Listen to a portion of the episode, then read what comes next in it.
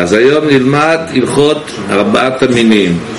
כיוון שאנחנו כבר בטח רואים אנשים הולכים, מחפשים אתרוגים, קלברי, יותר קלברי התחילו להגיע כבר וכולי וכולי. אגב, לשון אדמו"ר זקן, בכלל, הגענו לזמן שצריך ללמוד הלכות אה, שקשורות לחג הסוכות. אדמו"ר זקן בסימן תכ"ט, שם הוא מדבר בהלכות שבת הגדול, כן?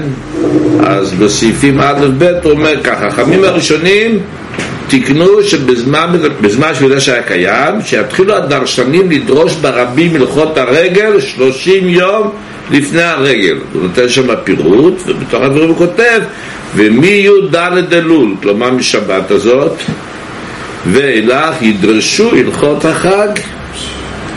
וממשיך בסעיף ב', תקנה זו לא נתבטלה מסרף לאחר שחרב בית המקדש, שכל חכם היה שונה לתלמידיו, וההדגשה זה לתלמידיו, הלכות הרגע שלושים יום לפניו, כדי שיהיו בקיאים בהלכותיו, וידעו המעשה אשר יעשון.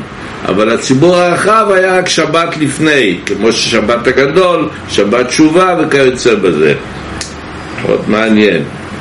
כלומר, הציבור הרחב צריך לדעת רק ראשי פרוקים. ישאלו את הרב, מי הרב?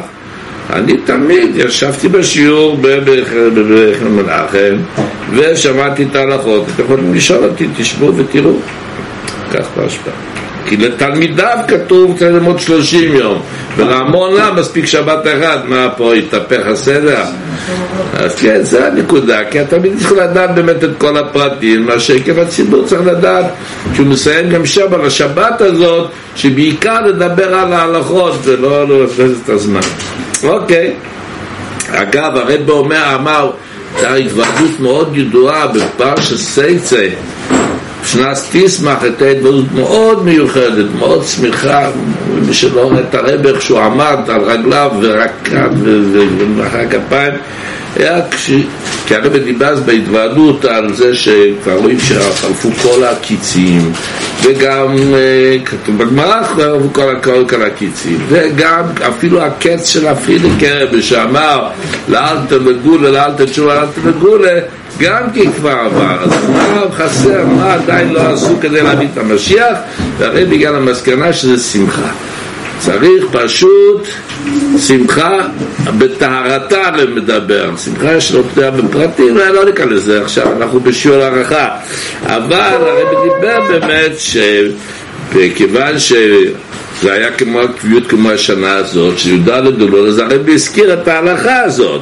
והרב אמר, אני אצטט לכם קצת את הלשון כי זה מאוד חשוב גם כן שאנחנו נדע מה אנחנו צריכים לעשות. כיוון שעניינו המיוחד של חג הסוכות לגבי שאר יומים טועים, עניין השמחה בזמן שמחתנו כל המועדים זה מועדים לשמחה חגים מוזמנים לששון אבל אמרנו בזמן שמחתנו? לא בפסח, לא בשבועס רק בשמחה, רק בשמחה של חג הסוכות. אז הוא אומר שכיוון שאינו מיוחד של חג הסוכות לגבי שאר יום טוב עניין השמחה מובן שכשאומרים שואלים ודורשים בהלכות החג מי"ד אלול נכלל במיוחד עניין השמחה בחג הסוכות. ופה משתמשים בסגנון שדורשים באופן של דורשים מלשון דרישה, דהיינו השתדלות יתרה בעניין השמחה בכל השלושים יום על ידי התגברות השמחה שפורצת גדר. אגב, ככה בינינו, בהמשך השיחה אומר הרבי, ופשיטה, שאין הכוונה לשמחה אלא לשתיית כוסית ועוד כוסית וכולו, עד למצב של שכרות, כי שיכור איננו חסיד, ועל אחת כמה וכמה חבדניק. עניין השכרות שייך ללוט ולא לאברהם, וממילא גם לא ליצחק ויעקב. עד לילה תולדות יעקב יוסף, שמו הראשון של קדוש ברוך מאדמון לסידורנו. קצת הזדמנות להכניס את זה בשיעור כאילו. ובכן, אנחנו מדברים על הלכות ארבעת המינים, לולב, הדס וערבה ואתרוג, ההלכות השכיחות, זה המון הלכות, זה פרק שלם בגמרא, אנחנו מתמקדים בדברים השכיחים פחות או יותר. באופן כללי, סוגי הפסולים יש בהם כאלה שמסורים בכל שבעת חג הסוכות, ימי חג הסוכות, ויש כאלו שהם פסולים אך ורק ביום הראשון.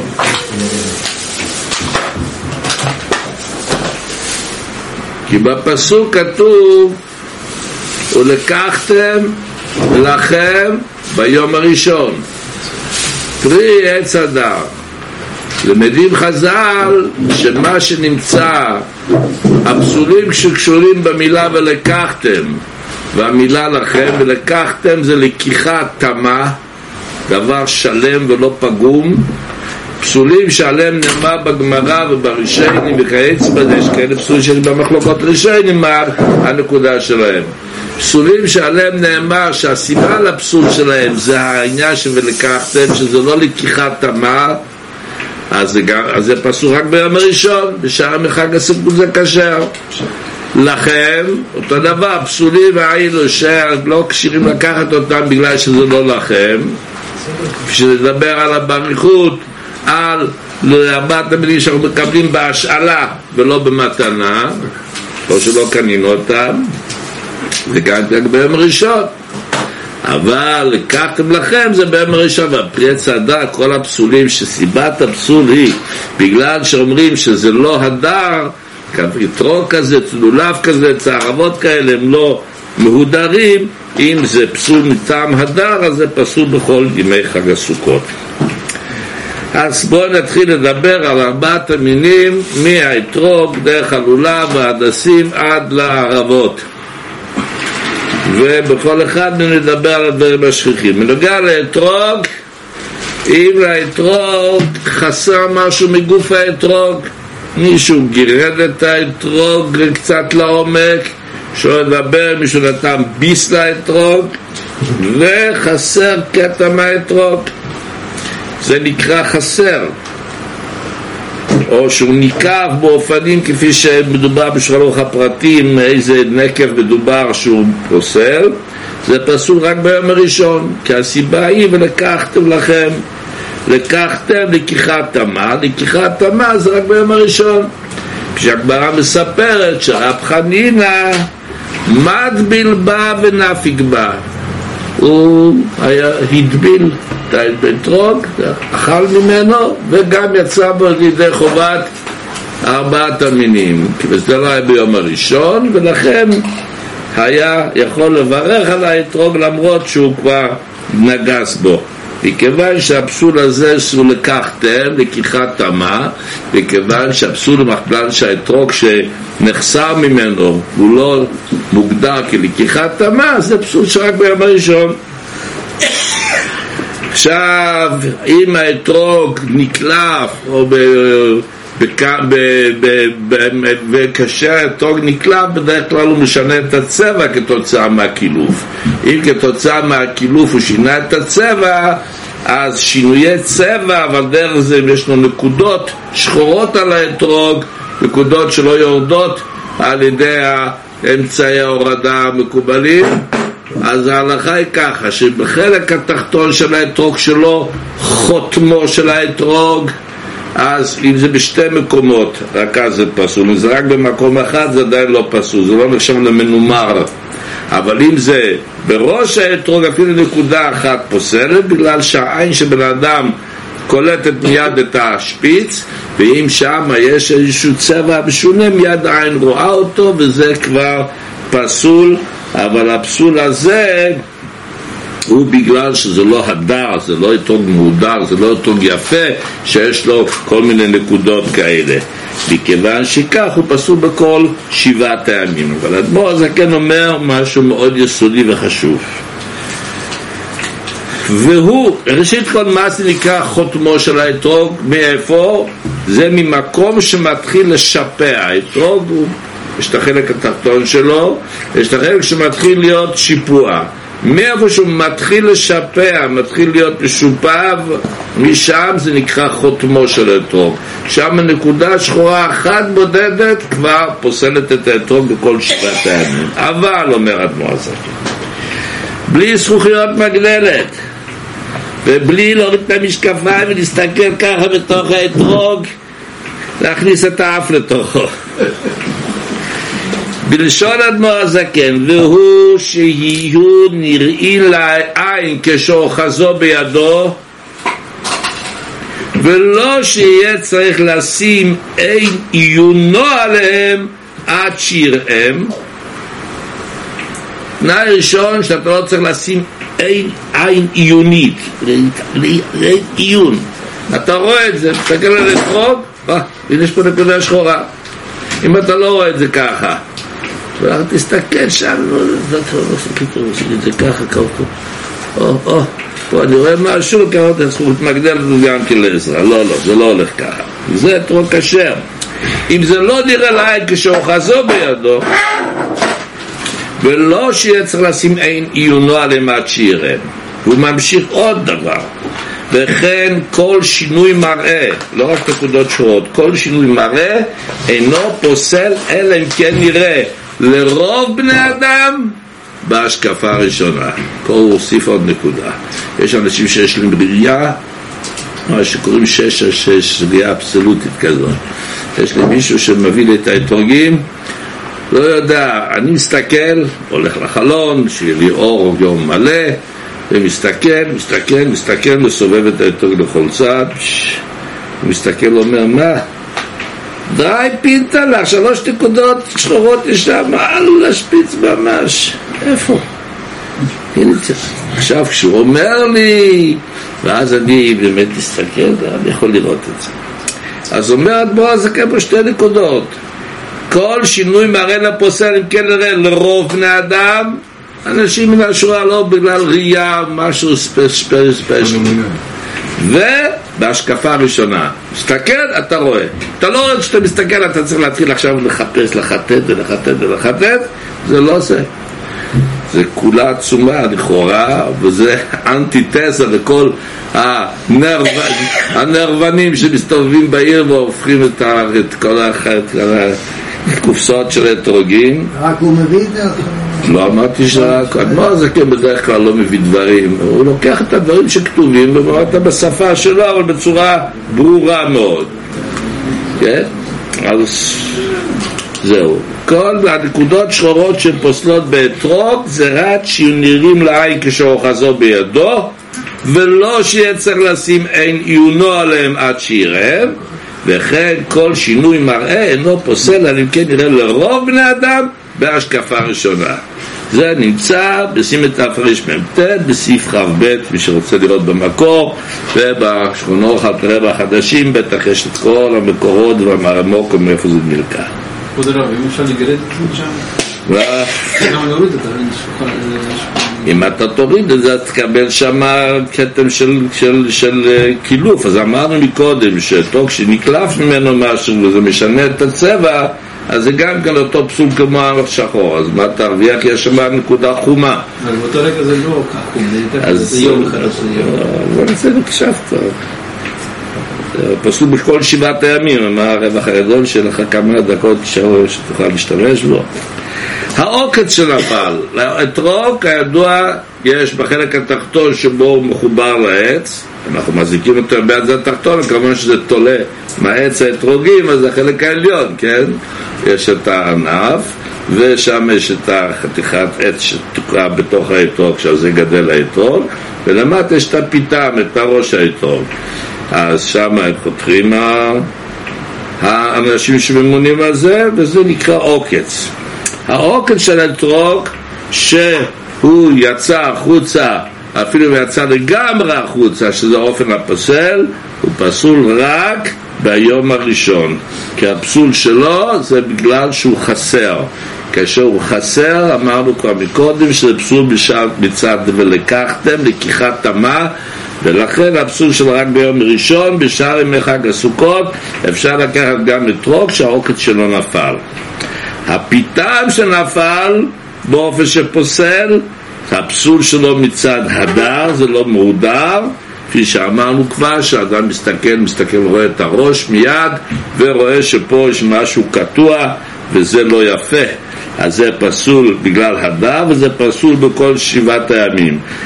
כמה צריך להיות נשבר מהפיתם בכדי שיהיה פסול, אז כתוב, אדמו"ר זקן פוסק כך בסימן תרמ"ח בסעיף י"ז. אם נשאר משהו, כשר מן הדין.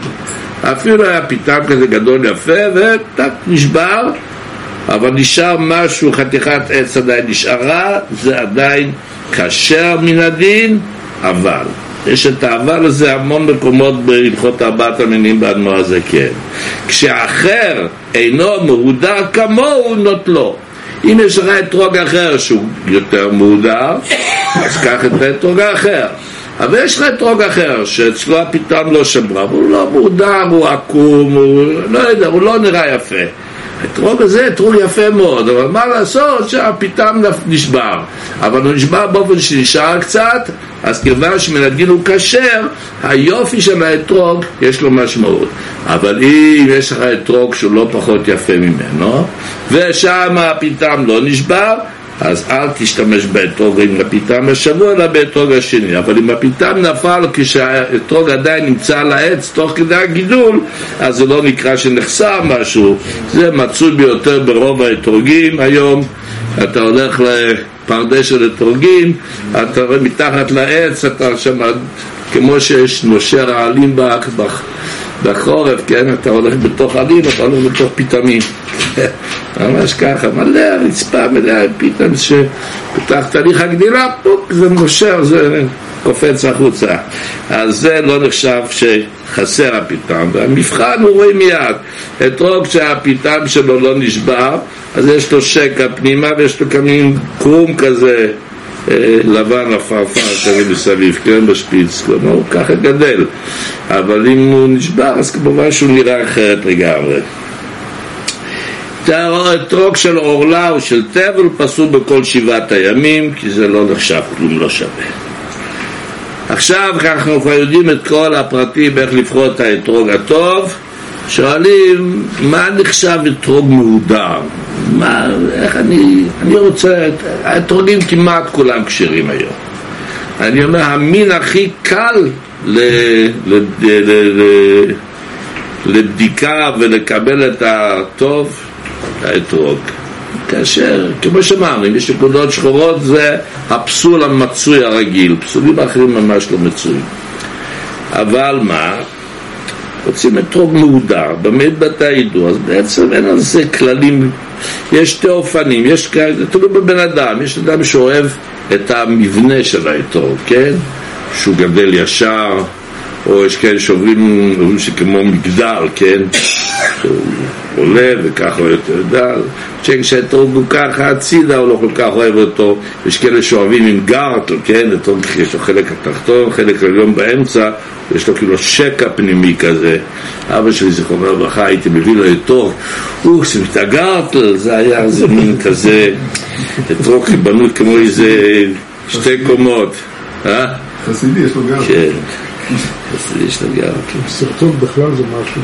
מה? עם סרטון בכלל. שלא צריך לאכול משהו אחר טוב. על כל פנים, זהו ככה שזה הגדרה ממש ברורה, ויש כאלה שמעדיפים את הניקיון. אתרוג נקי זה מה שעוד אצלנו. זה הגודל, לא? כן, כן, גדול יותר, קטן יותר, נקי. הודו, ההודו, מה ההודו? נקי לגמרי. נחזור לענייננו, בלולב.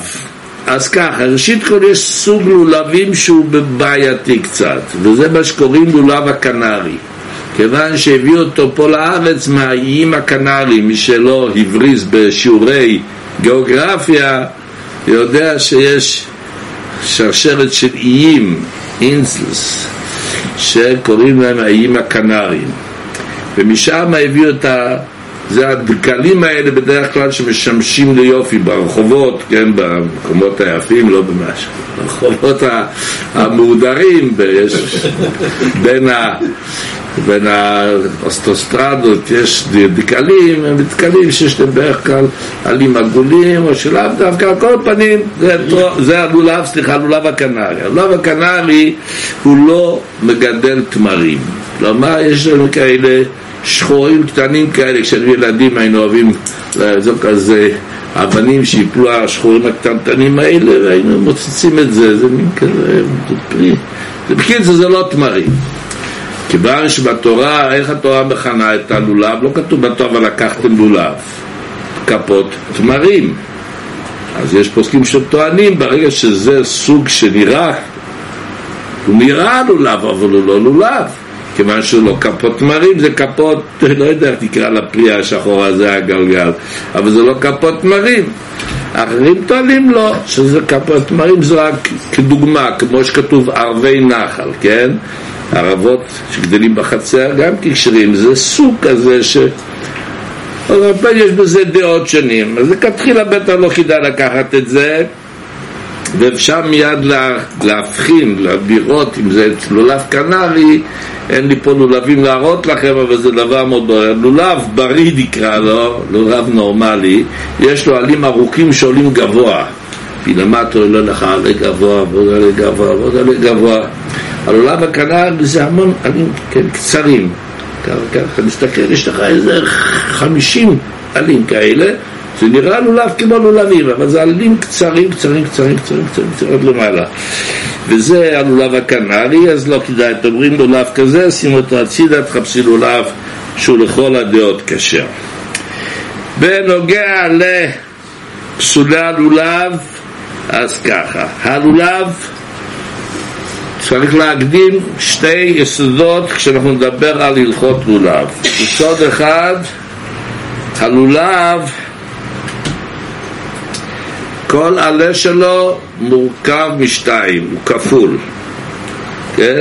אם אנחנו ניקח עלה של לולב, אפשר לפתוח אותו, יש כאילו, יש לו גב אחד, ככה כל עלה ככה. וכמובן שגם עלה האמצעי הכי גבוה הוא גם ככה.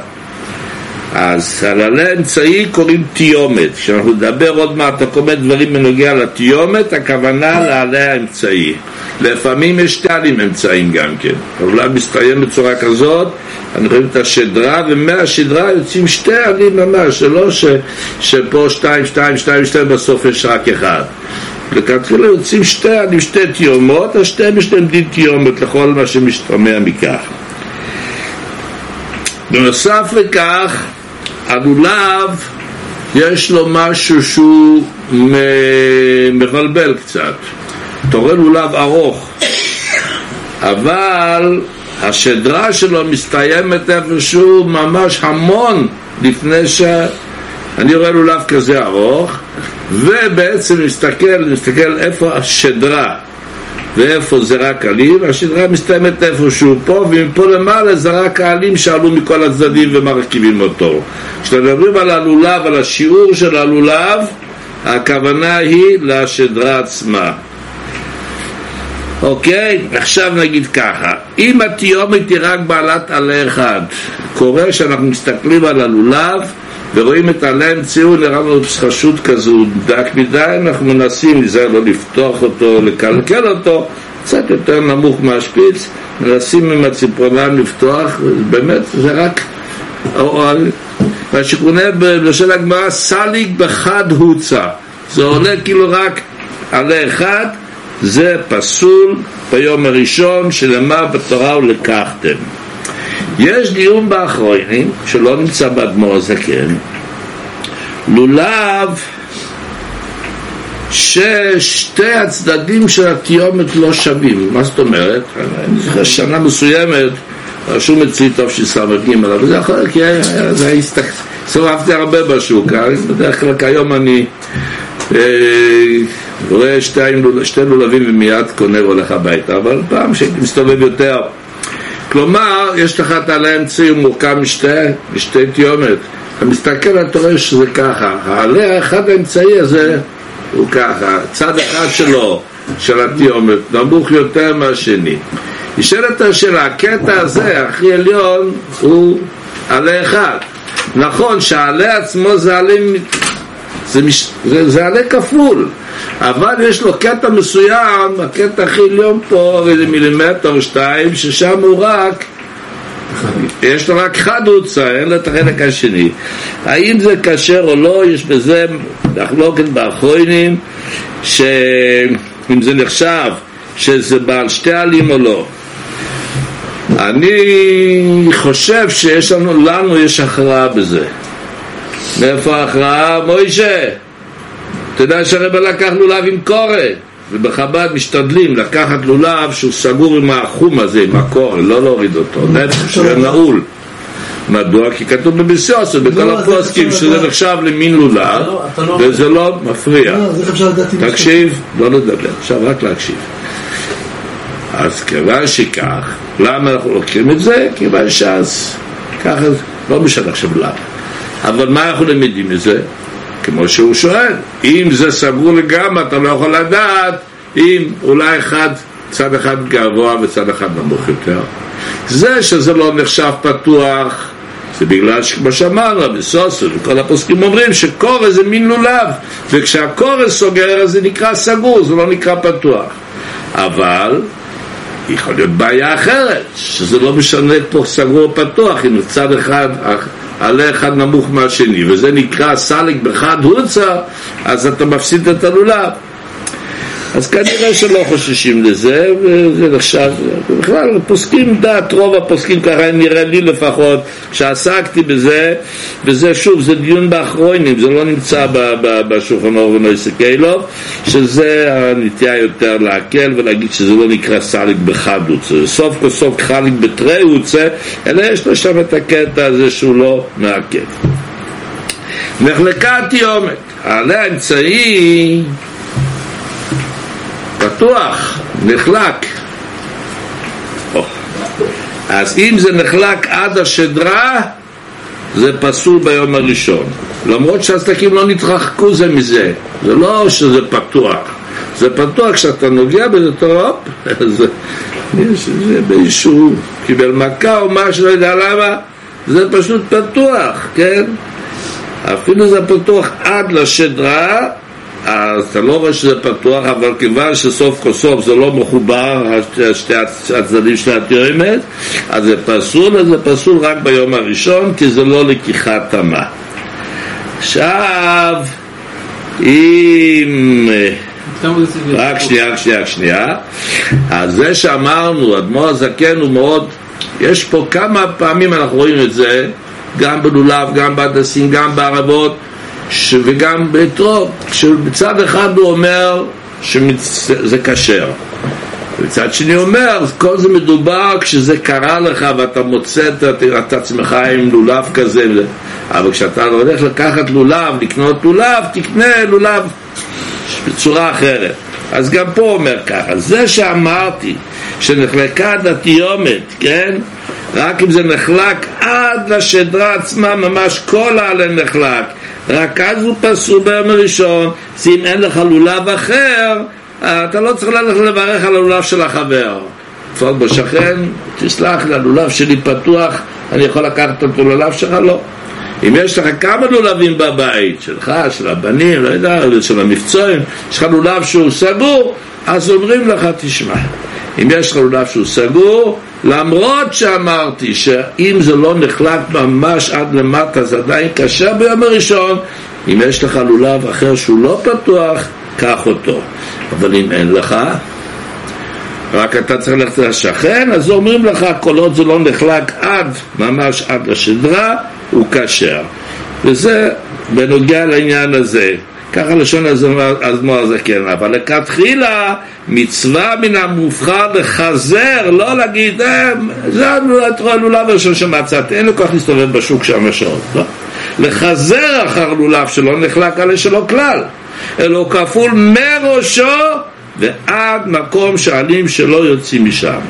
מדוע לחזר אחרי זה, אם זה כשר זה כשר, לפי שיש פוסלים אפילו לא נחלק על מקצת הלזר העליון. ואף שאין הלכה כדבריהם ולכן אמרתי שאם הלולב שלך נפתח אם הוא לא נפתח ממש עד למטה אתה יכול לברך עליו. מכל מקום טוב לחוש לי דבריהם אם אפשר נכון, אנחנו לא פוסקים ככה, אבל יש פוסקים שסבורים ככה, ראשונים. אז למה? תחפש, תחזר בערב החג, תמצוא לולב שהוא באמת נעול עד למעלה, ואז תצא מכל הבעיות. או, זה בנוגע לנחלקה. עכשיו יש פסול שקוראים לו המנק. מה זה המנק? המנק זה מין כזה מזלג עם שתי שפיצים שאוכלים איתו עוגות, לא יודע, כל מיני דברים מודרניים. כלומר בלחננל שהיוונים אוכלים, אה, אוכלים כזה מכלי. אז אה, זה המנק. מה זה המנק? שה... שמתרחק זה מזה, אז זה נראה כמו מזלג.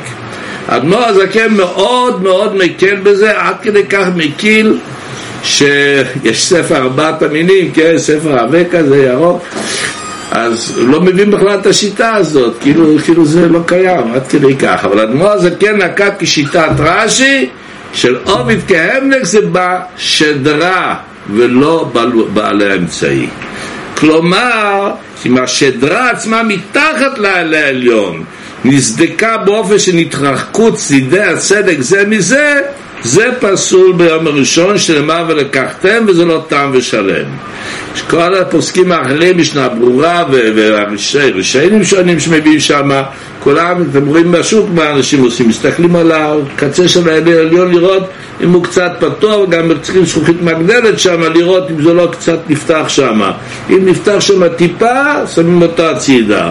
או שהוא בעצמו ברוב משמושים פתח את זה ולא מגלה, אבל מדברים בסמוסים של ישראל בחודש אלול, אף אחד לא עושה. אני זוכר, רב דב סוקולובסקי, שמעת יהודי כזה, היה יהודי צדיק פה בירושלים, הוא היה חתנו של הרבה של העיר מיר בליטא. היה מפצה ליטבי שהיד, צדיק ממש, יהודי קדוש, אבל תמיד חוכם מופלג מאוד, קמאי, קמאי כדור רוב, הוא היה חתנו של אותו רב. אז אני זוכר, היה, מהשערים היה, הגיע מישהו שמכר לולבים מאוד יפים. עלה עשר לירות לולב, אתם יודעים מה זה עשר לירות? אני קיבלתי בכולל, כל הלפני צרוי למדתי שם מרשס החודש ועד יום למד בחודש קיבלתי ארבעים לירות. כן? למדתי בכולל שלו, בכולל של הרב סוקולובסקי. ועשר לירות עלה לולב אחד, לולב מאוד יפים, אבל הם היו סגורים בקורא והוא רצה לראות מה קורה מתחת לזה. אז ראשית כל הוא שילם עבורם. לקח שלוש, ארבע לולבים, נתן לו עשר לירות על כל אתרוג. ואז הוא התחיל לפתוח את זה. אם זה יצא טוב, זה מצוין, אם לא יצא טוב, הוא לקח את השני השלישי, אבל ראשית כל הוא שילם עבור כולם. זה יהודי צדיק, אבל יש שם ניסיון גדול מאוד. איך שלא יהיה. העולם הרחב נוהג שעוביד כהמנק, אתם יכולים לשמוע את הדיבורים בין האנשים שמבינים. המנק זה לא המנק, כן המנק זה הפסול העיקרי שמחפשים בלולבים לראות אם אין בעיה של העמק. מה זה המנק? שהעלה העליון למעלה בשפיץ זה קצת פתוח, זה לולב שכבר לא לוקחים אותו. אז אומר בו הזקן שלא. פסול של המנק זה, כלומר, יש פסול של נחלקה תיומת, בעלה עצמו פסול רק אם הוא נחלק עד למטה. לכתחילה, באמת צריך לחפש כזה לולב כמו שהם מחפשים, שלא פתוח בכלל. זה למדנו מקודם, נכון? שאדמו"ר זה כאלה כתחילה לחפש. אז צריך לחפש, צריך לעבוד קשה, גם אנחנו צריכים לעבוד קשה. אבל הפסול הוא, שהפסול הוא ככה, בעלי אמצעי עצמו זה רק זה נפתח עד למטה מה שכתוב המנק זה פסול אפילו משהו זה כאשר השדרה עצמה מתחת לה, בלשון הנמואה זה כן, מתחת לה לעליון ונתרחקו צידי הסדק זה מזה. זה גם כפסול שלקחתם וזה לא טעם ושלם ולכן ביום הראשון זה פסול. עכשיו מגיעים לפסול של יבש. ברוך אתה לי שעה אז מי שקונה קורה צריך למשמש בעלי אמצעי או כאילו צומח על לא, זה סגור. איך אני יודע שזה לא פתוח, מה אכפת לך? מותר שיהיה פתוח, אם הקורן סוגרת אותו אז הקורן סוגר. אה. הקורן נחשבת למין לולב, ברגע שהקורן סוגרת אנחנו הכי הכי מסודרים. ואנחנו יוצאים מדי חובת הדעה של מרגנון בהתחלה, שכתחיל לקחת סגור לגמרי, לקחנו סגור לגמרי. אה, באמצע הסוכות עשינו נענועים בגלגוי סיסוררס, ושכחנו שהתקרה של הלולב של ה... שזה, לקחנו לולב, הרבי של לולב, אז אתה גבוה מטר שבעים, והלולב שלך מוסיף לך עוד איזה מטר וחצי, ואז אתה לוקח את הלולב ועושה ככה פתאום אתה רואה שבעצם הסכך מתחיל ליפול עליך וזה אומר שהלולב כנראה גם כי כבר במצב קשה. אבל לכתחילה אז הקורא כבר כמובן שייכת לעבר. אבל לכתחילה כשאנחנו קונים סגור בקורא אז אנחנו לקחנו משהו שבוודאי סגור לגמרי. עכשיו ביבש זה ככה. אם יבשה רוב השדרה או רוב העלים אפילו שהשדרה לא, השדרה לא מתייבש כך בקלות, יש לה הרבה בשר, זה משהו עבה אבל רוב העלים יכול להיות שיוצאים הרבה למבצועים ויש לנו חג הסוכות חם אתה מסתכל על הלולב שלך, אתה רואה עליו שהוא כבר נמצא במצב קשה זה, מה, מה, מה אומר יבש? בלשון אדמו"ר הזקן על פי מה שכתוב ברישיינים ומי שכלה מראה הירקות שבו אם נעלם כבר מראה הירקות והלבינו פניו, הרי הוא נקרא יבש. כלומר, לא צריך שאתה תיגע בו אז הוא יתפורר. אין דבר לא. כזה בלולב. כפי שהראשונים אומרים באמת. בהנדסים בערבות זה המבחן של יבש זה שמתפורר מפרח במשמוש. אבל לבעלי הלולב זה יכול להיות יבש בין חמישים שנה והוא עדיין יש לו את ה...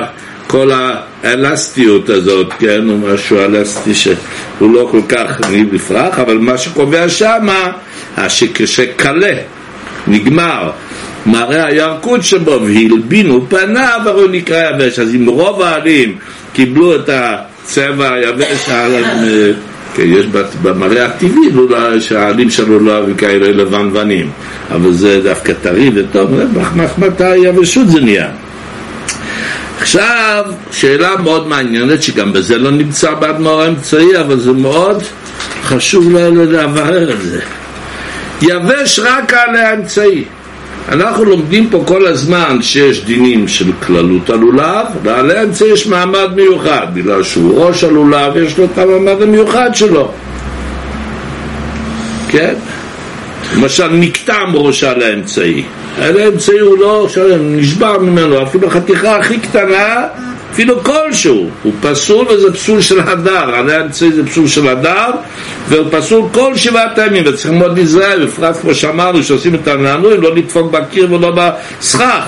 מכה קטנה על האמצעי הוא דק, הוא יכול להישבר בקלות ואז את הלולב הזה אתה יכול לשים אותו הצידה ולא להשתמש בו יותר, לעשות ממנו רינגלח וכוי שיקלח, אבל לא יותר מזה. אז שוב, כשאנחנו מדברים על יבש, אז בשולחן ערוך מדובר רק על איפשהו רוב עליו או רוב השדרה. מה קורה אם הלולב נראה בסדר, וזה מאוד שכיח, כי דווקא על האמצעי, כל העלים יש להם הגנה, אחד מגן על השני. כשנמצאים ביחד כמה וכמה עלים טריים, זה לא מתייבש כל כך בקלות. העלה אמצעים בגלל שהוא בודד והוא דק כזה, מאוד שכיח שהוא מאוד בקלות אתה הולך איתו בשמש כן? אתה לא יודע שאתה עוטף אותו עם כל העטיפות ובית הכנסת מוציא אותו להרלד וסוגר אותו אתה הולך לצא את זה למבצועים מזכה בזה כמה שעה, שעתיים מסתובב בשמש על האמצעי פתאום אתה רואה הוא הלבין, הוא התייבש מה הדין שלו? אז ככה, לא נמצא בשולחן אורך אדמו"ר הזכייה, משנה ברורה מביא מהפרימגודים ומאוד ראשונים שהחמירו בזה. לידך, יש ראשונים, רייבד זה, שבפירוש מקילים ויש כאלה שכתבו שנכון, יש גם פסול יובש בו על האמצע, אבל שם נדרש יהיה נפרח בציפורן.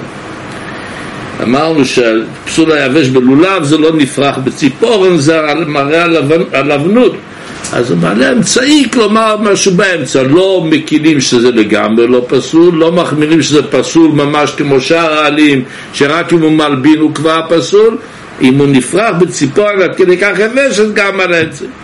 כל השיטות האלה לנו באדמו"ר אמצעי, אבל זה נמצא בראשונים. וכיוון שנמצא בראשונים שלאו דווקא שהוא מראה אדמו"ר זקן כידוע לא מביא מקרים חדשים שלא נמצא בפוסקים שלפניו והוא מביא אותם בסגנון כזה שתביא מתוכו את הדברים. אבל זה מדובר בספרים של ראשונים שלאו דווקא שהוא מראה עיני אדמו"ר הזקן.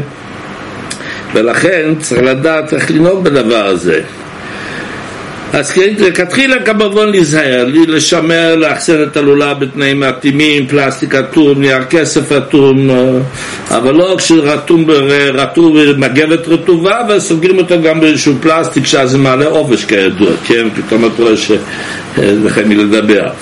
אה,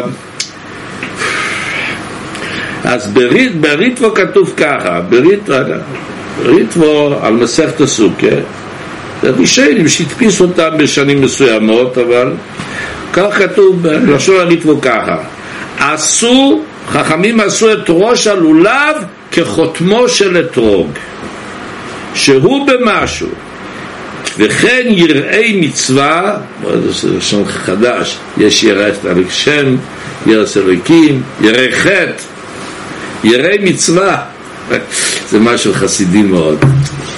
לא אותי בחטאים, אני רוצה שהמצווה תקבל שצריך, צריך להמשיך אלוקות, יראי מצווה. אני מאוד התפעלתי מהסגנון הזה. משהו חדש. אני לא ירא חטא, ואני בעבודותיי לא מספיק ירא השם. אבל אני ירא מצווה, אני רוצה, אני מקיים מצווה שמקיים את כמו שצריך. אומר הריטבו, אני מצטט לשונו, וכן יראי מצווה חוששים, וכן חוששים מוריי. נטרה, נון רשו, ראשי תיבות, נטרה, רחמנה ו... ו... כן, זה כמו השם, השם ה' י"ו בלושן קודש בארמית. וכל שיבש לגמרי, חוששים לו כאילו נקטם, ובכלשהו לפי שאינו הדר. עוד הפעם, עשו ראש הלולב כחותמו של אתרוג שהוא במשהו. ומה זה מתבטא? וכן חוששים מוריי נרו, וכל שיבש לגמרי, כלומר הראש האתרוג, חוששים לו כאילו נקטם, ולכן אפילו בכלשהו שמתייבש לגמרי שם, לפי שאינו הדר. שוב אני אומר, אין באדמו"ר אז כן את הדבר הזה. יש ראשונים שמתירים את זה לגמרי כך שזה לא אומר שצריך לעצור את המקצוע ולהגיד לאנשים שיפסיקו לברך. אבל לכתחילה צריכים לשמור שלא להגיע לדבר הזה, כי יש ראשונים בגדול הראשונים שמחמירים. נקטע כבר אמרנו שבראש עליהם ציטה אפילו כלשהו פסול שזה לא הודו וזה כמובן פסול כל שבעת הימים מה קורה אם הלולב הוא עקום?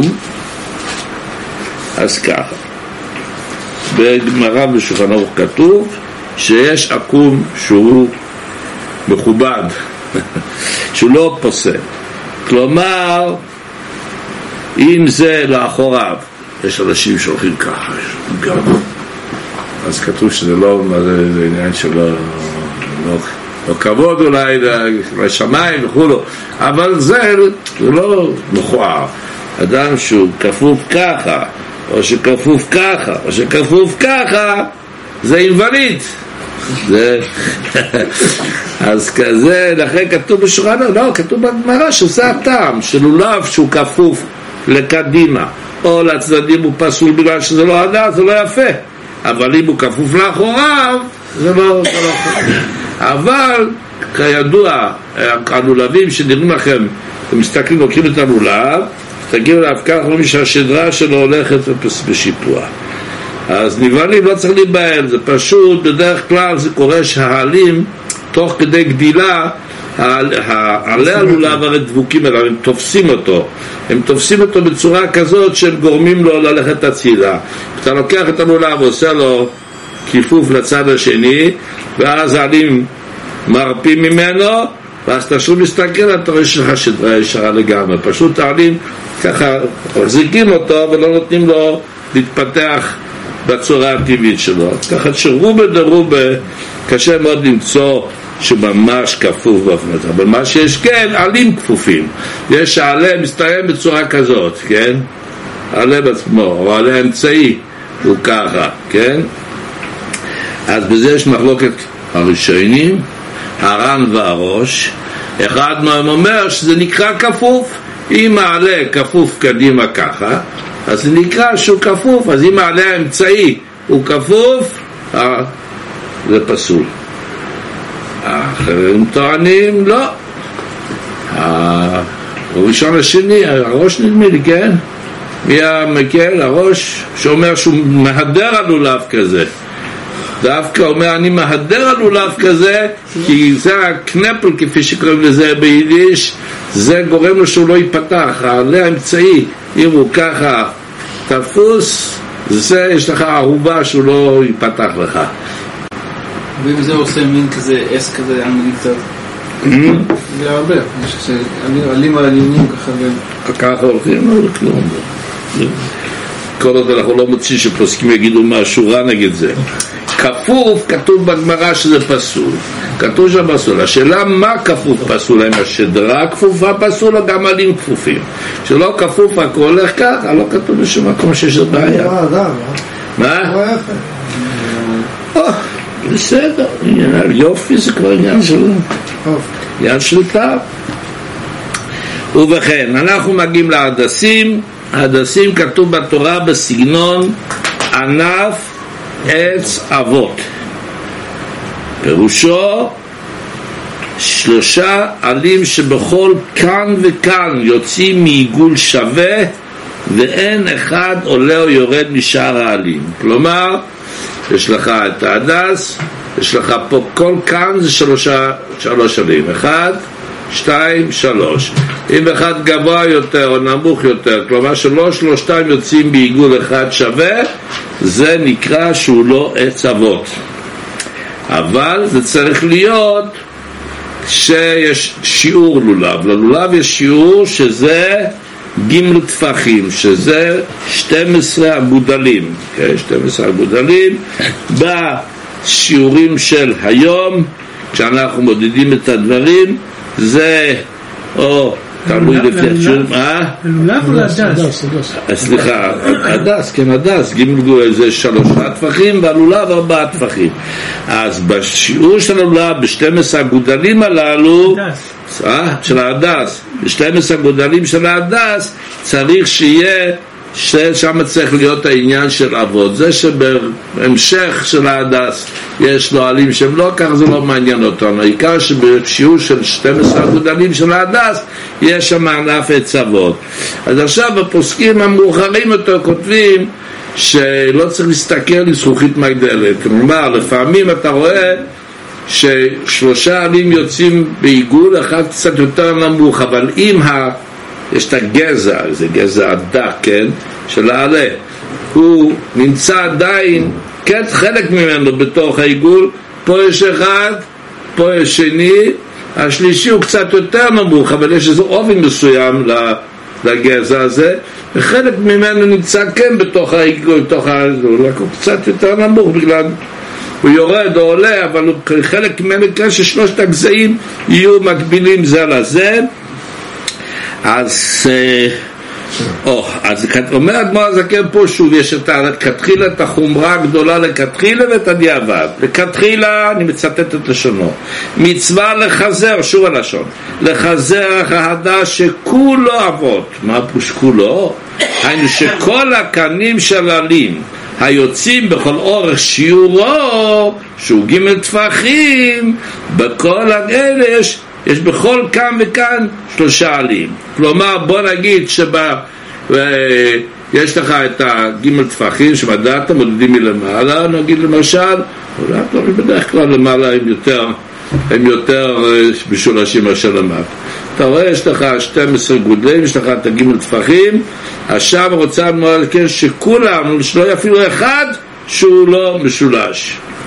וכתחילה אתה צריך לקחת שלושה הדסים, שלוש הדסים, שבכל השיעור שלו, כן, זה לכתחילה מצווה לחזר החרדה שכולו אבות, שכל הקנים של העלים היוצאים בכל אורך שיעורו שהוא ג' טפחים, יש בכל כאן וכאן שלושה עלים. מכל מקום, אם אין כולו אבות, כיוון שרובו אבות, הרי זה כשר ומותר לברך עליו לכתחילה. אתה שואל, יש לי הדס שהוא לא משולש כולו, משולש רק רובו ברוב השיעור שלו, אתה יכול לברך עליו, אל תחשוב שאתה עכשיו לא מברך על הכתחיל לדיקר. כשאתה הולך לקנות כזה דבר, תחזר ותחפש לקנות אחד שכולו אבות, שבכל אורך השיעור שלו. אז ככה אבל כשהדס הוא לא משולש, צריך לדעת שזה לא פסול רק ביום הראשון, זה פסול בכל שלושת הימים, כי זה מכונה שאינו מין הדס כלל. זה לא המין שהתורה, התורה רוצה שענף עץ אבות, זה לא ענף עץ אבות. ברגע שענף עץ אבות הוא בכלל אאוט, הוא מחוץ לתמונה, הוא פסול בכל שטום כל הימים כמובן. עכשיו השאלה איך אנחנו מודדים את 12 הגודלים האלה.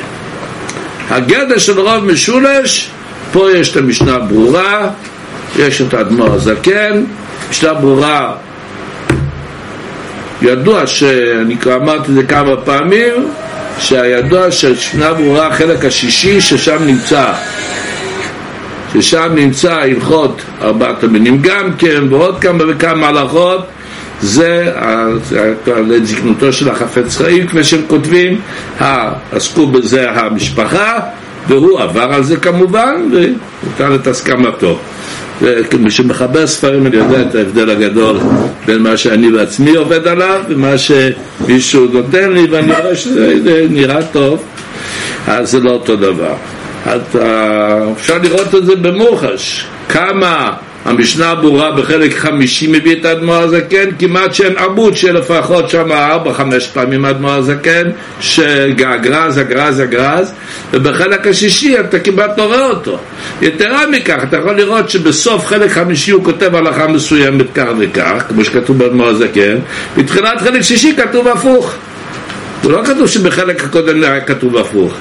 הכל פנים לא משנה, מה שאפשר לראות את זה בהלכות ארבעת המינים שעסקתי בזה ב, ביסודיות שאיזה חצי שנה שלמדתי לולה וגוזל ואת ארבע הזמינים עם כל הראשונים וכל הפוסקים שם את זה ברור שהמון דברים רבי חסלו לבדמות 12 הערות על הגיליון שאני כותב משנברו העתיקים שלי שיש שם איזה חקירה מה הדין עיקר וכך אני כותב שבשכונו חדמר הזה כן כתוב מפורש העניין הזה אבל זה לא מובא שם עכשיו שימו לב מה נקרא רוב משולש אז משנה ברורה כותב ככה לעיכובה ברובו, דהיינו שהדה ששיעורו הוא לא יותר מ-12 גודלים אין צריך עבוד בכולו, רק זין גודלים יעבוד. כלומר, הוא מסתכל על שטח. בוא נגיד שזה 12 גודלים, כן? 12 גודלים האלה, אם יהיה לך שבעה גודלים של, של אבות לא, לא כתוב ברצף. לא כתוב ברצף. שבעה גודלים יש לך אבות, בתוך השיעור של שלושה טפחים יש לך שבעה גודלים של אבות, אתה מסודר. מה שקורה למעלה לא מעניין אותך, כן? אגב, סתם, שאלה פנימית שבאמת לא, לא, לא רוצה לבזלס את השיעור הזה, מעודי תמהתי, מה פתאום שבעה גודלים? שש ומשהו. מה פתאום שבעה? מה קרה? אז שוב, לא, לא, לא נדייק שם האותיות, אבל זה תמור לפני עצמו, אבל נעזוב את זה. זה כלומר דעת המשנה ברורה שזה תלוי בשטח, כן? לעומת זאת, אחד מאוד זקן שם בתוך שבבב סעיף ג' הוא כותב ככה, לא משארים שטח, משארים את רוב הקנים שבשטח. בשון אדמר שרובו אבות דהיינו שרוב קינים של עלים היוצאים באותו אורך שיעורו של שלושה כפרים יש בכל אחד מהם שלושה עלים. כלומר בוא נגיד שבי"ב הגודלים יש 24 קנים. נתקע דוגמה. זה י"ב גודלים ספרנו 24 קנים כן? ו-13 קנים נפלו כן? עכשיו... אפילו 12.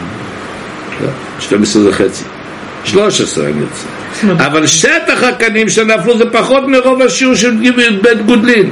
נפלו, שהם לא אבות, שהם לא משולשים. סליחה, נפלו, אמרתי נפלו, נכון, לא, לא נפלו. שלא משולש, כן? יש לך שם 13 קנים שהם לא משולשים. אז, אבל, מבחינת השטח, זה, זה, פחות מרוב שיעור. לדעת אדמו"ר הזקן זה פסול, כי הקנים שבאותו השטח, רוב הקנים האלה הם לא משולשים. לדעת המשנה ברורה, כיוון שנשאר יותר מהשטח שהוא מכוסה בקנים של הרשרות, זה לא נפסל. ככה נפקא מינה הפוכה גם, כשלדעת אדמו"ר זקן זה יהיה קשה, כיוון שלא נשרו עדיין רוב הקנים, לדעת המשוואה היא פסוק, אבל שהשטח הוא כבר יותר מרוב של בזדודין. כן, זה נפקמינה גדולה להלוכה. לכן אני מאוד חושש מהרוב משולש. כשאנחנו קונים את הפלסטיקים הסגורים וכתוב רוב משולש, אני לא יודע מה עשו שם מה ההדרכה שקיבלו אם בכלל? היה על זה הרבה קטרוגים, אני חייב לדבר בזכוסים של ישראל. אמרו כל מיני זה, שהלכו ובדקו, לא משנה. אבל מה כן? שגם כאשר באמת מדובר שמשגיח שיודע הלכה עומד והוא בודק באמת שהיא רוב משולש. השאלה מה נחשב את רוב משולש? הוא מסתכל על מידות, עד כאן זה משולש, מצוין. רק רגע, זה רוב הקנים, זה לא רק רוב הקנים, אתה סופר קנים. אם יתחילו לספור קנים, אני חושב שיתחילו כבר מפסח להתחיל לבדוק הדסים. אם צריך לבדוק שטח, זה לא בעיה, יש לו סנטימטר ביד. סנטימטר בודק, רוב משולש, גיגן הביתה. בכלל, אדמו"ר הזקן בכלל אומר שלכתחילה צריך לקחת כאלה שמשולשים לגמרי. אז אני אומר שלפחות את שלושת ההדסים שחייבים מן הדין, הרי ידוע שאנחנו בחב"ד מקפידים לקחת יותר הדסים, או ארבע, או שתים עשרה, או עשרים ושש, או שלושים ושש, כל אחד עם כל השיעור, כל האופנים שנאמרו שם במנהוגים. אבל לפחות שלושה הדסים נקפיד תמיד שיהיו משולשים לגמרי כולם משולשים ואז יוצא מכל הבעיות אני אומר עוד דבר ידוע שיש מחלוקת גדולה איך מודדים את השיעורים כן? אז יש את הדעה שקימל טפוחים זה 30 סנטימטר יש את הדעה שרק 24 סנטימטר, תלוי אם הטפח הוא 8 סנטימטר, אז שלושה טפחים זה 24, אם הטפח זה 10 סנטימטר זה 30 אז זה יש את השיטה של הצלח, שנתקטנו השיעורים וכולי, מה שמכונה ברחוב שיטת החזון איש, ויש את השיטה של חיים נועה, שהשיטה המקובלת בעולם, שזה בעצם אה, השיעורים הישנים, שזה אז אני אומר, נכון שאנחנו בדרך כלל הולכים לשיעורים של רב חיים נועה, אבל כיוון שמדובר בדורייסה, כן, לפחות ביום הראשון, אה, שזה בדורייסה, אז כדאי להקפיד שיהיה באמת השיעור של, של 30, כיוון שאנחנו רואים שהרב הרש"ב חשש לשיעור הזה בתיקון המקווה. ידוע שבמקרה חוששים לכל הדעות, אז בתיקון המקרה שמודפס בסוף השכונה אוכל תרבה, הרי ברש"ב כתוב שהאדמון נשמסדה משער שיעור העמה כשיעור ורשק, ורשוק, איך קוראים לזה? מה תגיד, אתה לא יודע רוסית? משהו ש... 62 סנטימטר. ורשוק, לא, אתה נזכר, צריך להזכיר לכם כבר. ורשוק, שזה 62, כתוב למטה אלה שמפענחים את מה שכתוב שם, של 62 סנטימטר. כלומר שעמה זה 62 סנטימטר, ידעו לו שהגמר הזקן זה רק 54 סנטימטר, כן? עמה, לדעת עם טפח זה שמונה. למה? 48. 48. שמונה טפחים, שש טפחים, 48. 48. ולדעת דעה שנייה זה 60. אז כתוב שהאדמו"ר הזקן, שהרב הרש"ב במקרה היה מקפיד שישארו את העמו בשיר של ורשוק, שכתוב למטה 62 סנטימטר, זה בעצם שיר של הצלח. אז רואים שכשמדובר על דאורייסר, לא המקווה, נכון, אבל כשיש את זה בשפע, אם צריך באמת לחטט ולחפש כמו פעם שהדסים, למצוא הדסים באירופה בימים ההם, זה היה משהו אה, עד כדי כך שהתירו אפילו הדסים יבשים, כפי שכתוב בשכונות הרבה וכולו, אבל היום שיש כזה שפע, אלא מה זה עולה עוד כמה שקלים, שווה. כדאי בייס אלוקי. הכשרות של היום, יש כל מיני כשרויות. זה משנה איזה כשרויות? העיקר שכולם משולש לפחות שלושה, והשאר יכולים להיות רובה משולש. בתקווה שזה אכן רובה משולש. עכשיו, אם בהתחלה כשהיה היה רובו, כולו, כן היה אבות, ענף עץ אבות, היה משולש, אחר כך נשרו ממנו עלים, אפילו שמכל כאן וכאן נשרו עלים, אם נשארו ברוב הקנים, נשארו שתי עלים בכל כאן, זה כבר כשר, ושלושת העלים העליונים חייבים תמיד להיות שלמים, וצריך באמת להיזהר, בעיקר כשמכניסים את הלולב עם כל המינים, כן, עם ה... לינגרה וכל זה, מכניסים, מוציאים ומחליפים באמצע החג, צריך מאוד להיזהר שמאוד שכיח שנושרים המון עלים וצריך לדעת האם נשארנו עם משהו כשר גם כן אז ככה יבשו העלים, אז אמרנו כבר שיובש הפסול היבש בהדסים וערבות זה נפרח בציפורן, כן? אם הלבינו פניהם ונפרחים בציפורן זה פסול בגלל שזה לא הודו וזה פסול בכל שבעת ימי חג הסוכות. אם שלושת העלים העליונים נשארו לחים הם מצילים על כל השאר שיבשו. כן? אם הראש בסדר אז בעזרת השם יש תקווה.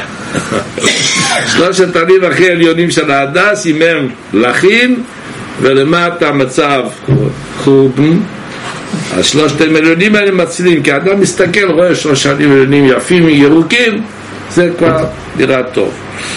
אבל אם שלושת העליונים העליונים הם לא לחים, הם רק, אפילו הם לא יבשים לגמרי, אבל הם כמושים, אז הם כבר לא מצילים.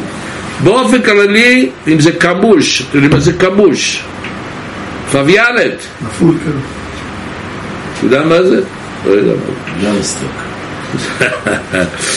זה שזה... טוב, יאללה, אתה אני צריך ללמד אותך רוסית היום. יש שלב, יש יבש, יש רך יפה, ויש הוא כזה משחיר כזה, מתכמת, כמו סבתא כזה, זה נקרא כמוש. אז אם העלים של ההדס כמושים הוא עדיין כשר, אבל אם העלים שלו יבשים וצריך להציל אותו, להציל צריך ראש נקי לגמרי. אם למעלה השלושת העלים העליונים הם רק, הם כמושים, להציל הם כבר לא יכולים, אתה צריך... הרב יכול לחזור פעם, כאילו, על הפסול שנפלו והפסול של יבשו, מה צריך, כאילו, שתיים מכל כן שלא, זאת אומרת, כאילו ש... בתוך השיעור של השלושה טפחים, של י"ב גודלים, צריך שרוב השיעור הזה יהיו לפחות שתיים בכל כן. אם היה שלוש ונפל, כן, לכתחילה שתיים זה לא... זה... דווקא לשם. ויבש, כאילו, מה, נגיד, יבש, אפילו כל ההדס הוא יבש. אם שלושת עלים העליונים הם בסדר, אז זה בסדר. ואם לא, אז מה... אם לא, אז אם רוב יבש רובו, אז הוא פסול.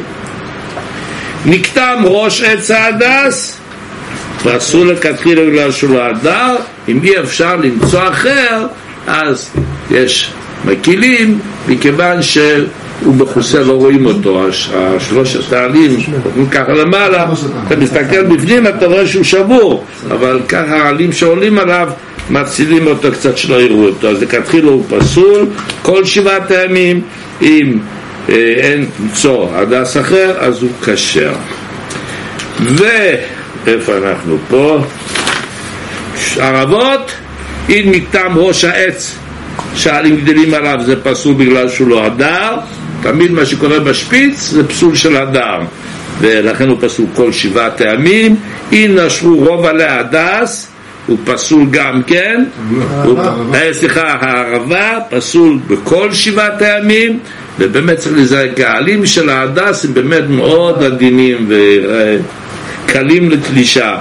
אתה מתחיל לדחוף, יש לך את הרינגל הזה סגור, אתה רוצה לדחוף איזה הדס טרי חדש, אתה מחליף הדסים, ואתה, הרב, סליחה, שוב אני אומר הדס, הערבה, אתה טורף אותה, ואז הוא באמת נכנס, אבל כשאתה פותח את ה...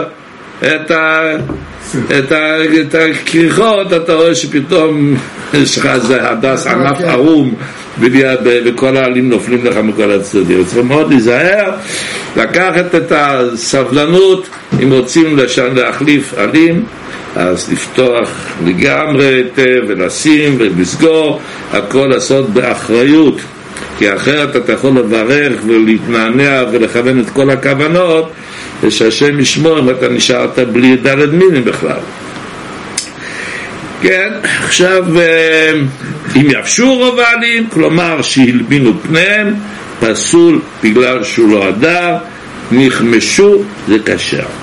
עכשיו יש דינים כלליים לארבעת המינים שמות... ולא, ולא נפח? כן, ככה כתוב בטופש מ"ז סיבור ונחשב רואה ככה, ככה רשום אצלי, אולי אתה שם שכונו אל תרבה, טוב אה, חלק ג' ד'. ג' ד', יש שם ג' ד', זאת אומרת זה שונה מהדסים, הדסים זה דווקא נפלא. ד', כן. אני אסתכל עוד הפעם, כי אני קורא מתוך הדפים שרשמתי לעצמי, ואני בסך הכל בן אדם בקושי, אז צריך גם כן לפעמים לדעת שאפשר לשגור תופש מ"ז סיבוב, נסתכל עוד הפעם, כי מקודם אמרתי שנפרח, נכון? אז צריך לוודא האם לא ראשון עיקר או לא שני.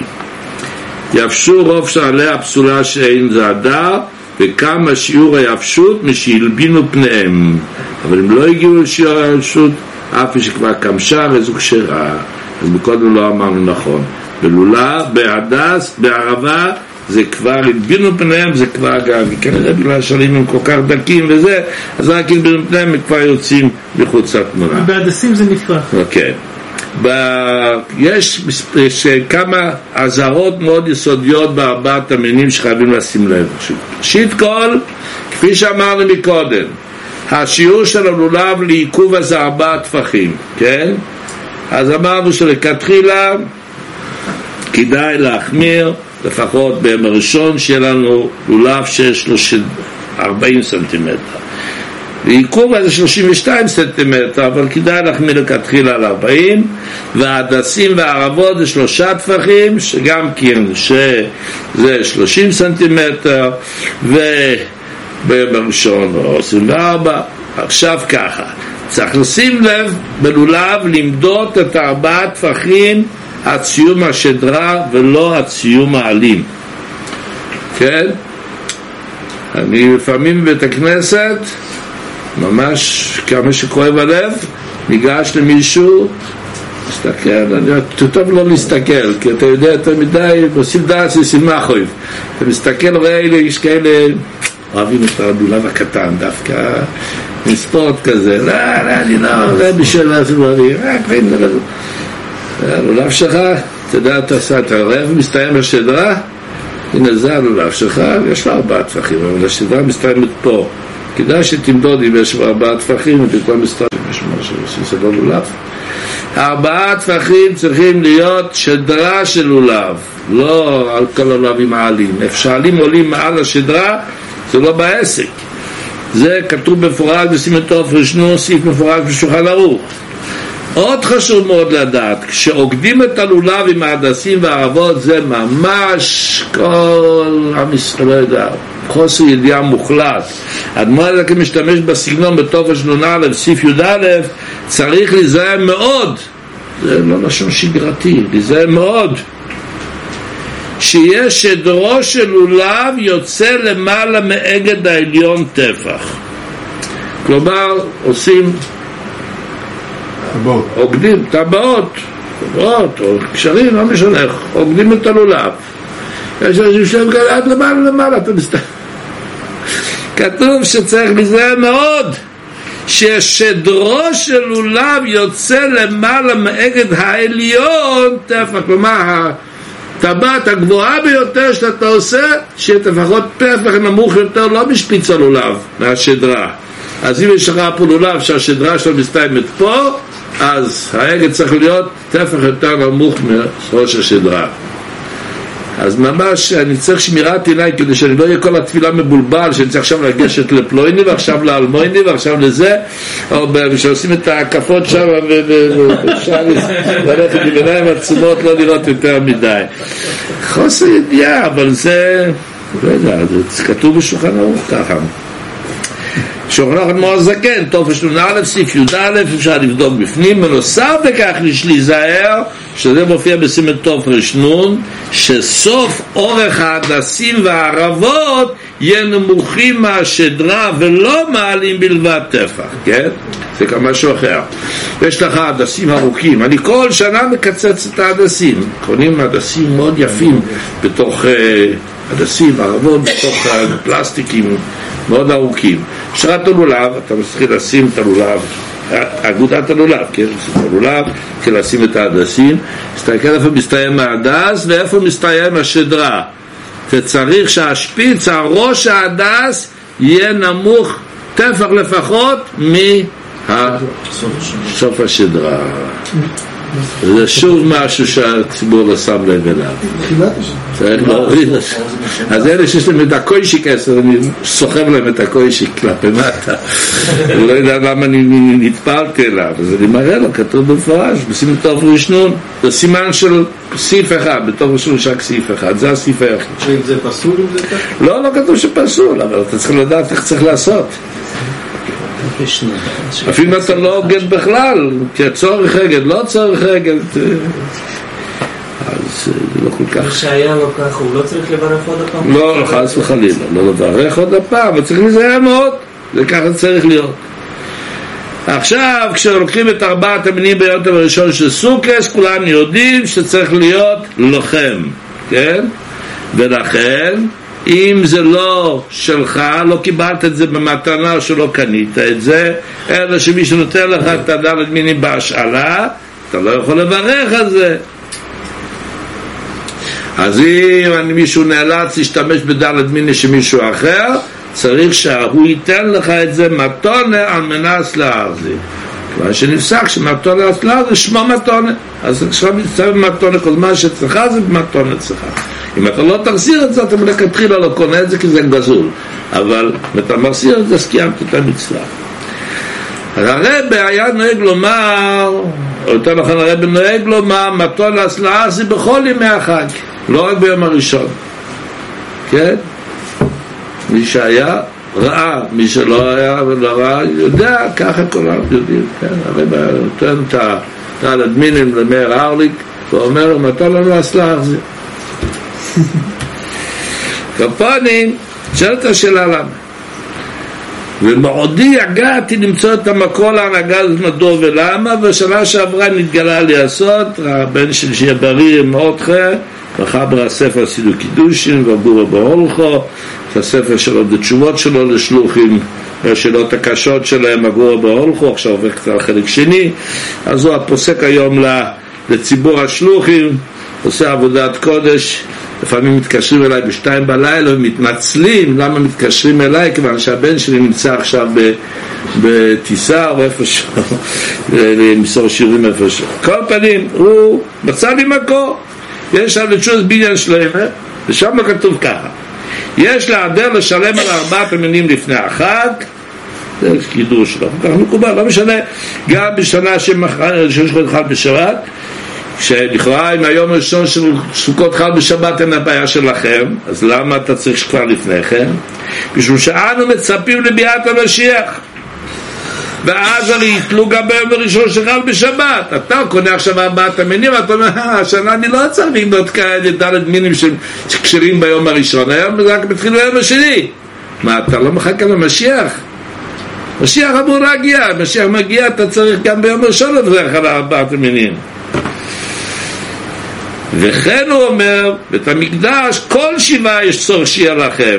אז אפילו אם לא יגיע ביום השני, אתה גם צריך לחשוש גם בזמן הזה, להקפיד לשלם מראש על ארבעת המינים.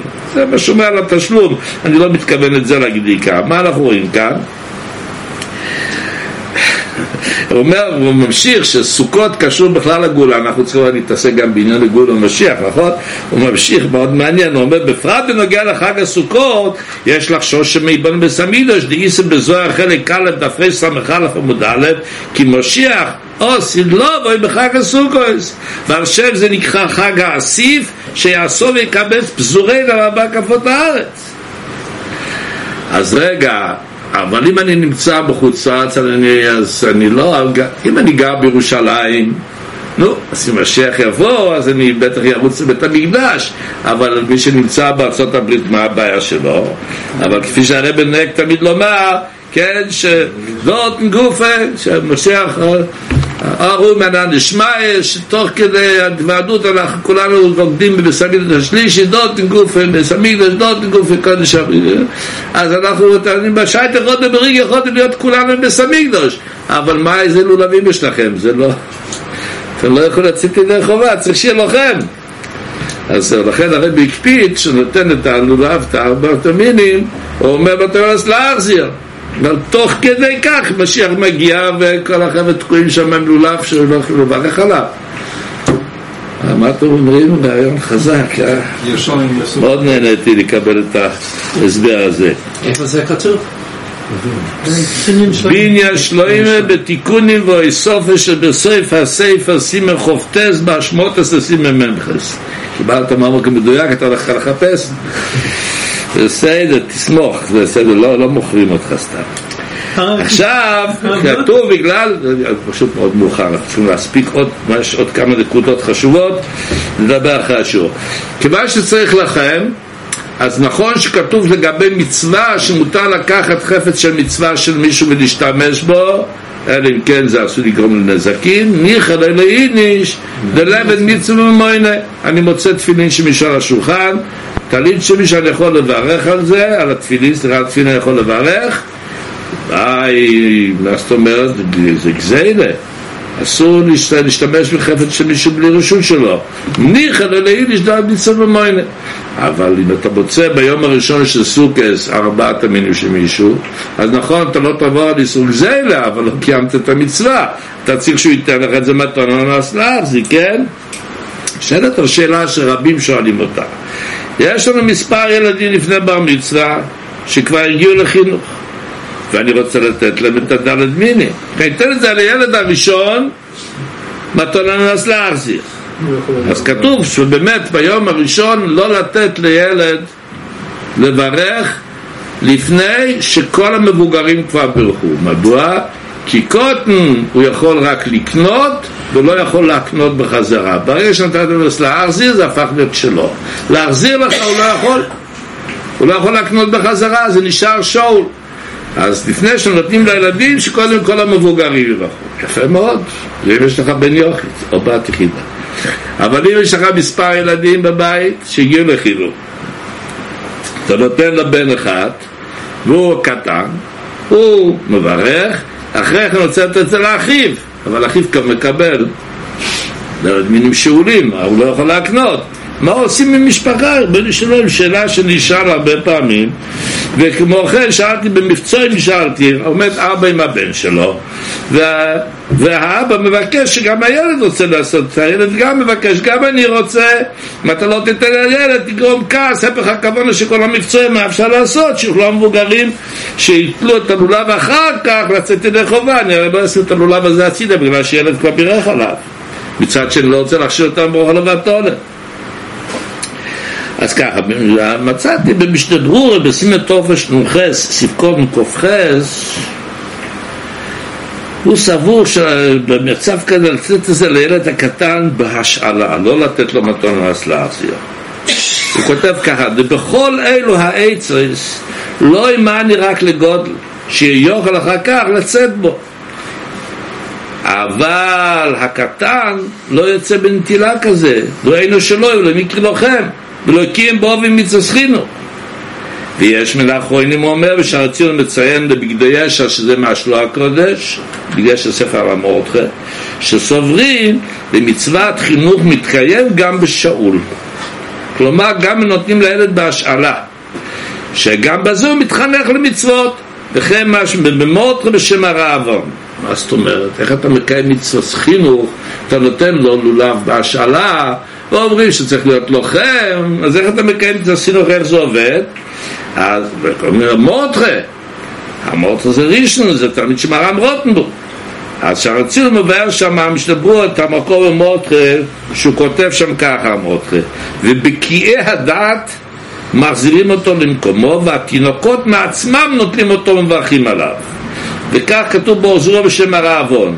ומי שיבח אותם? מזה שאנחנו רואים שהמורדכה והרעב"ם משבחים את בקיאי הדעת שהם עושים ככה שהתינוקות לוקחים את זה בעצמם ומברכים משמע דספירא לכן להלוכה. ולדעה הראשונה לא קיים האב מצווה אה, חינוך. אלא ודאי דסבירא ליה דמצווה חינוך רק על עצם המצווה ולא על פרטי המצווה. כן?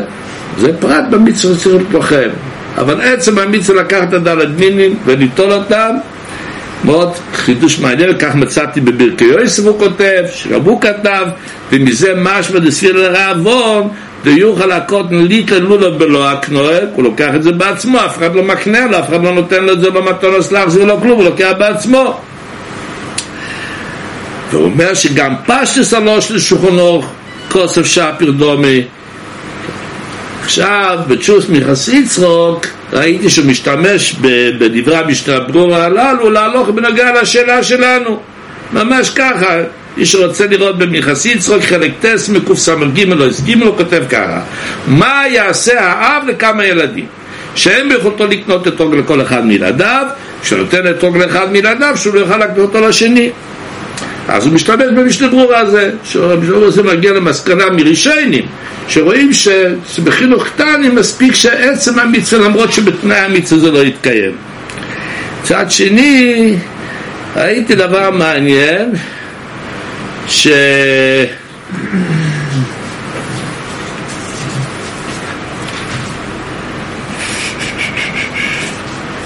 בכסף סופר, בתשוס כסף סופר, הוא כותב, איפה זה הכסף סופר כעת, לקחתי זה לעצמי פה, הכסף סופר אומר, יש שתי דעות בשולחן ערוך.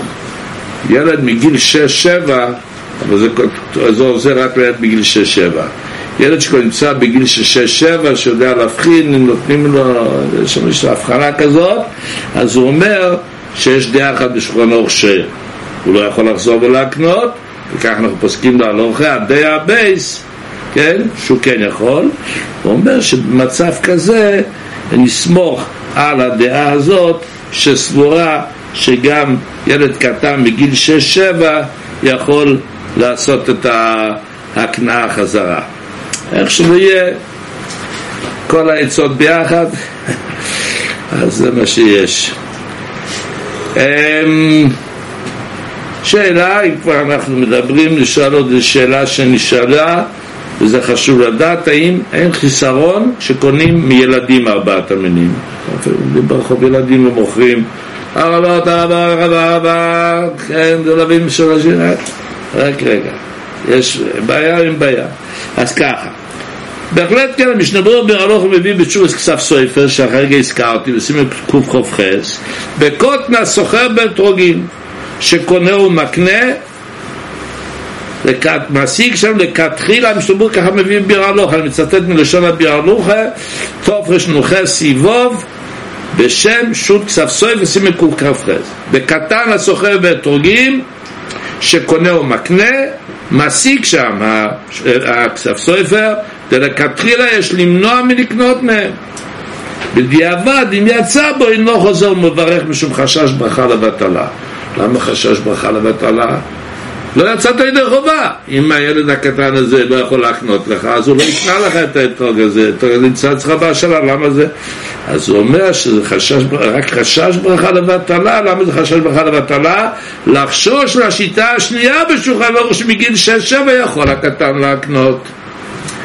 לפי השיטה הזאת, אתה כן יצאת ידי חובה, אז תיטול עוד הפעם, לברך עוד הפעם לא.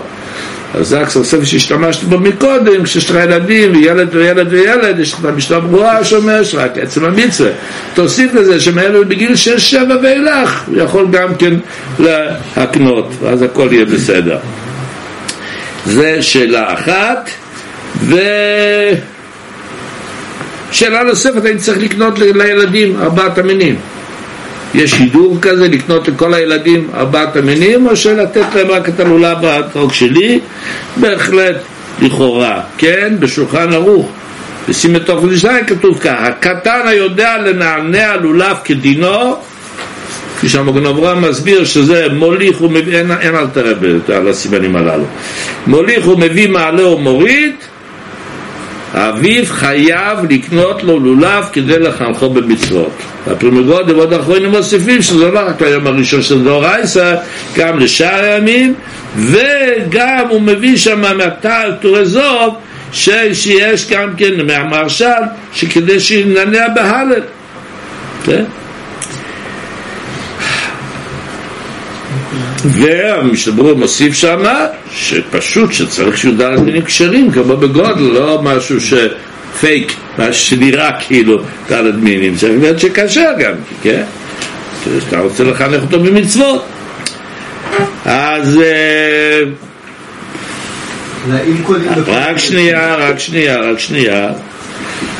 אז ראשית כל אנחנו נמצאים למדים מכאן צריך לשים שהילדים שהגיעו לחינוך ינענו בהלל אבל מצד שני יש פוסקים שאומרים שלא חייבים לקנות לכל אחד צריך להשתדל שכל אחד מהילדים להקנות לו את הדלת מיני כדי שיוכל לקיים את כל המצוות. אז כל אחד לפי המצב הגשמי שלו ויכול לקיים דברי שכונו כפשוטו אז בוודאי בוודאי שחשוב. אה, אגב, אנחנו רואים שכולם צריכים לעשות דברים באלף, משום מה אני לא זוכר כשהיינו אצל הרבה, כן, עושים שם את ההלל, ויש ציבור ענק כזה שכל הבחורים ייקחו את הרדמינה ודברים. נכון שלא? כן, לפי מיטב זכר אני לא זוכר את זה. חשבתי לעצמי בצורך חיום, מה באמת הקטע? האם יש פוסקים שסבורים אחרת? אוקיי, שווה בירור. שאלה אחרונה, בזה אנחנו נלך לתפילת ערבית, אחד שלוקח את האתרוג מהחבר ונפל מידו באופן שהוא נפסל. קורה, נכון? זוכרים שקרה אצל הרבה, כן? כן, אצל הרבה זה קרה, אתה זוכר את זה? כן, אני הייתי שם. כזה רחמנות היה? nein, זלמו לב, שהזכרת אותו בשיעור הקודם, הסטולין, שהלך, היה לו רגל קטועה, עם הקביים וזה, אז כולם עוברים לוקחים את העשרים, והוא קרא לו שזה נפל והפתאום הלך. ומאיר האריק צריך להביא את עוד לרבה. בוא שם, הרי רוצים נותנים עד באמצע עשה שעת והוא רואה את זה, מבקש ממנו בגרון, הוא אומר לו, מה פתאום זה התפקיד שלך? באדם ליין, לא הייתה לו ברירה, הוא כולו רועד ולא יודע לאן לקבוע את עצמו, מגיע עם האתרוג, והרבא נתן לו כזה חיוך. מאיר ארליק, שהרבא נותן לו את הדלת מינים, לזכות את כל הציבור, הוא עומד בסוכה שעות, ונותן לכל אחד לברך ולדענע. אבל היו לרבי עוד. בדיוק, אז הרב אמר ללייבו, נתן לו את המפתח, אמר לו, איפה האתרוגים מהסיפור שלהם? איפה נמצאים האתרוגים הנוספים? לייבו לא ידע שישנה, והרב אמר לו שנמצא פה, נמצא שם, שייך לביתר בעניין. בקיצה, השורה התחתונה, ככה אני זוכר, זוכר שאני בפרטים שאני מוסיף מסיפורים אחרים, זה קורה בגיל שלנו, אז אל תתפסו אותי במילה. אבל זה מה שהיה, שבסוף הרב אמר להביא לו מהחדר אתרוג אחר, והרב... אבל הוא... הרב נתן לו כזה חיוך שהיה כבר שווה שאת. זהו, עכשיו שאלה ששואלים, אני אני אתרוג, מה זאת אומרת, 500 דולר, אתרוג הכי הכי נקי עם פיטם, קלבריה, עם גידול צ'פטזון. לוקח בן אדם את האתרוג, טרח שובר לו את הפיטם, הוא צריך להחזיר לי, כן? האדם מועד לעולם. הוא שואל, הוא צריך להביא לי אתרוג ב-500 דולר, או שיביא לי אתרוג כשר? שיש לו פי, יותר כשר, נו, חמש שקל, יש פי בכל המועד סוכס, בחמש שקל אתה מקבל את רוק. נותנים לך תודה שאתה מוכן לקנות בכלל. לא, לא, לא. נשאלת השאלה. אז ככה, בברייתא הוא מביא מתשובס מהר"ם מינץ, אחד מאחרוני הראשיינים, מי שקנה את רוק גדול ויפה בדמים יקרים, ובו החבר פסלו, אינו חייב לשלם לו את רוק קטן לצאת בו. מי הוא? מה ששווה הגדול יותר מהקטן, לאחר החג חייב לשלם. בשביל לעשות קומפוט, לעשות, לעשות, אה, לעשות ליבש מהאתרוגים הללו, כמה ששווה אחרי החג הגדול יותר מהקטן, או גדול שוקל איזה חצי רבע קילו, הקטן שוקל רק 100 גרם, אז זה בטח עולה כמה שקלים יותר, אז לא צריך לתת לו. זה מה שהוא כותב על הברית וממשיך, אבל בתשובס חכם צי סימן קכ חולק עליו וכתב וחייב לשלם לו דמי האתרוג האנשום וכן הסכים בתשובה שהוא סיינקב ושאר תשובה מוסיף שכמו שהחכם צבי פוסק כך פוסק גם במשנה למלך ובגודים אחרי שהביא את שתי השיטות הללו שיטה שאומרת שצריך לשלם אתרוג מעודה ושיטה אחת לתת לו אתרוג קשה וזהו אז הוא אומר ככה הנה בפסלו בשוגג יש לומר דפטר נפשי בתרו קטן אף לשות החכם צבי. אם זה נפל ונשבר בלי כוונה. אם ההוא התעצבן ונתן ביס זה כמה שאחר אז זהו, למדנו את ההלכות הללו בשיעור הבא נשתדל ללמוד עוד קצת מההלכות של החגים הבאים עלינו לטובה